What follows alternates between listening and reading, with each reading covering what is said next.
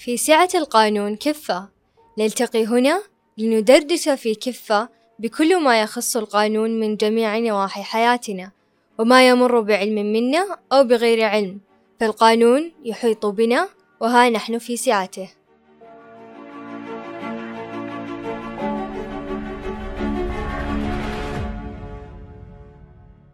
دائما نسمع عبر منصات التواصل الاجتماعي ونشرات الأخبار عما يسمى بالقانون الدولي العام.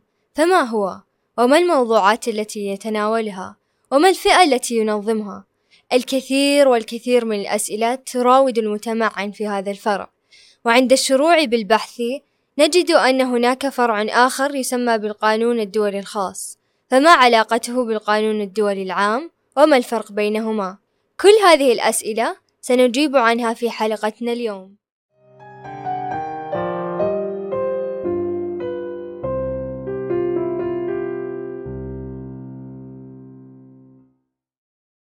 لنأخذ لحظة بسيطة لنطرح من خلالها على أنفسنا تساؤل ما هو القانون الدولي العام؟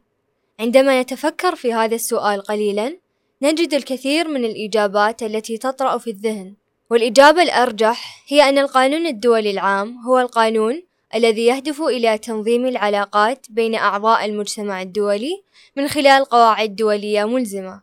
أعضاء المجتمع الدولي؟ من هم أعضاء المجتمع الدولي؟ إن أعضاء المجتمع الدولي أعزائي المستمعين هم الدول والمنظمات الدولية، وهذا ينقلنا إلى التطور التاريخي لهذا القانون ابتداء من مرحلة ما قبل الحرب العالمية الأولى، والتي كان فيها القانون الدولي العام يتناول تنظيم ثلاث موضوعات رئيسية فقط، ألا وهي حالات السلم والحرب والحياد بين الدول. والسمات التي تميز هذه المرحلة أنها كما أشرنا سابقا كانت ضيقة النطاق من حيث الموضوعات التي تنظمها فيما يتعلق بالقانون الدولي العام، وأيضا مفهوم السيادة المطلقة التي على أثرها أصبح اللجوء إلى الحرب هو الخيار لتسوية المنازعات والتعبير عن السيادة. وظل القانون الدولي العام في تطور مستمر حتى وصل إلى مرحلة القانون الدولي المعاصر، والتي تم فيها تجريم اللجوء لاستخدام القوة في العلاقات الدولية. إلا في حالات الدفاع الشرعي عن النفس والترخيص باستخدام القوة ضمن منظومة الأمن الجماعي إذا ما ثبتت الحاجة الماسة لذلك لحفظ السلم والأمن الدوليين. وتجدر الإشارة إلى أن في هذه المرحلة مرحلة القانون الدولي المعاصر أصبح هناك اهتماما كبيرا في المسائل المتعلقة باحترام الإنسان وحرياته الأساسية حيث أنها انتقلت من كونها مسائل تنظمها القوانين الداخلية من وضع المشرع إلى مسائل تنظمها القوانين الدولية. ويظهر ذلك جليا في مجموعة من الموضوعات التي يتناولها القانون الدولي العام ومنها القانون الدولي لحقوق الإنسان والذي يعنى بحماية وتعزيز حقوق الإنسان وحرياته بغض النظر عن جنسيته أو لغته أو عرقه وغير ذلك. ومن موضوعاته الأخرى القانون الدولي للمنظمات فهو القانون المعني بتحديد النظام القانوني للمنظمات الدولية من عدة نواحي متمثلة في كيفية إنشائها والعضوية فيها وأجهزتها ونشاطاتها وعلاقتها مع غيرها من أشخاص القانون الدولي. ولكن ما زال هنالك تساؤل لماذا يوجد قانون دولي عام وخاص؟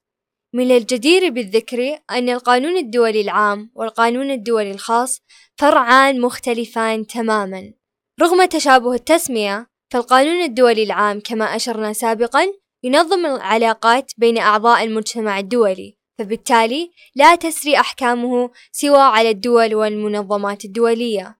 على عكس القانون الدولي الخاص الذي يعتبر من القوانين الوطنية التي تنظمها الدولة ويمكن تعريف القانون الدولي الخاص بأنه مجموعة القواعد القانونية التي تحدد القانون واجب التطبيق والمحكمة المختصة في نظر الدعاوى التي يشوبها عنصر أجنبي.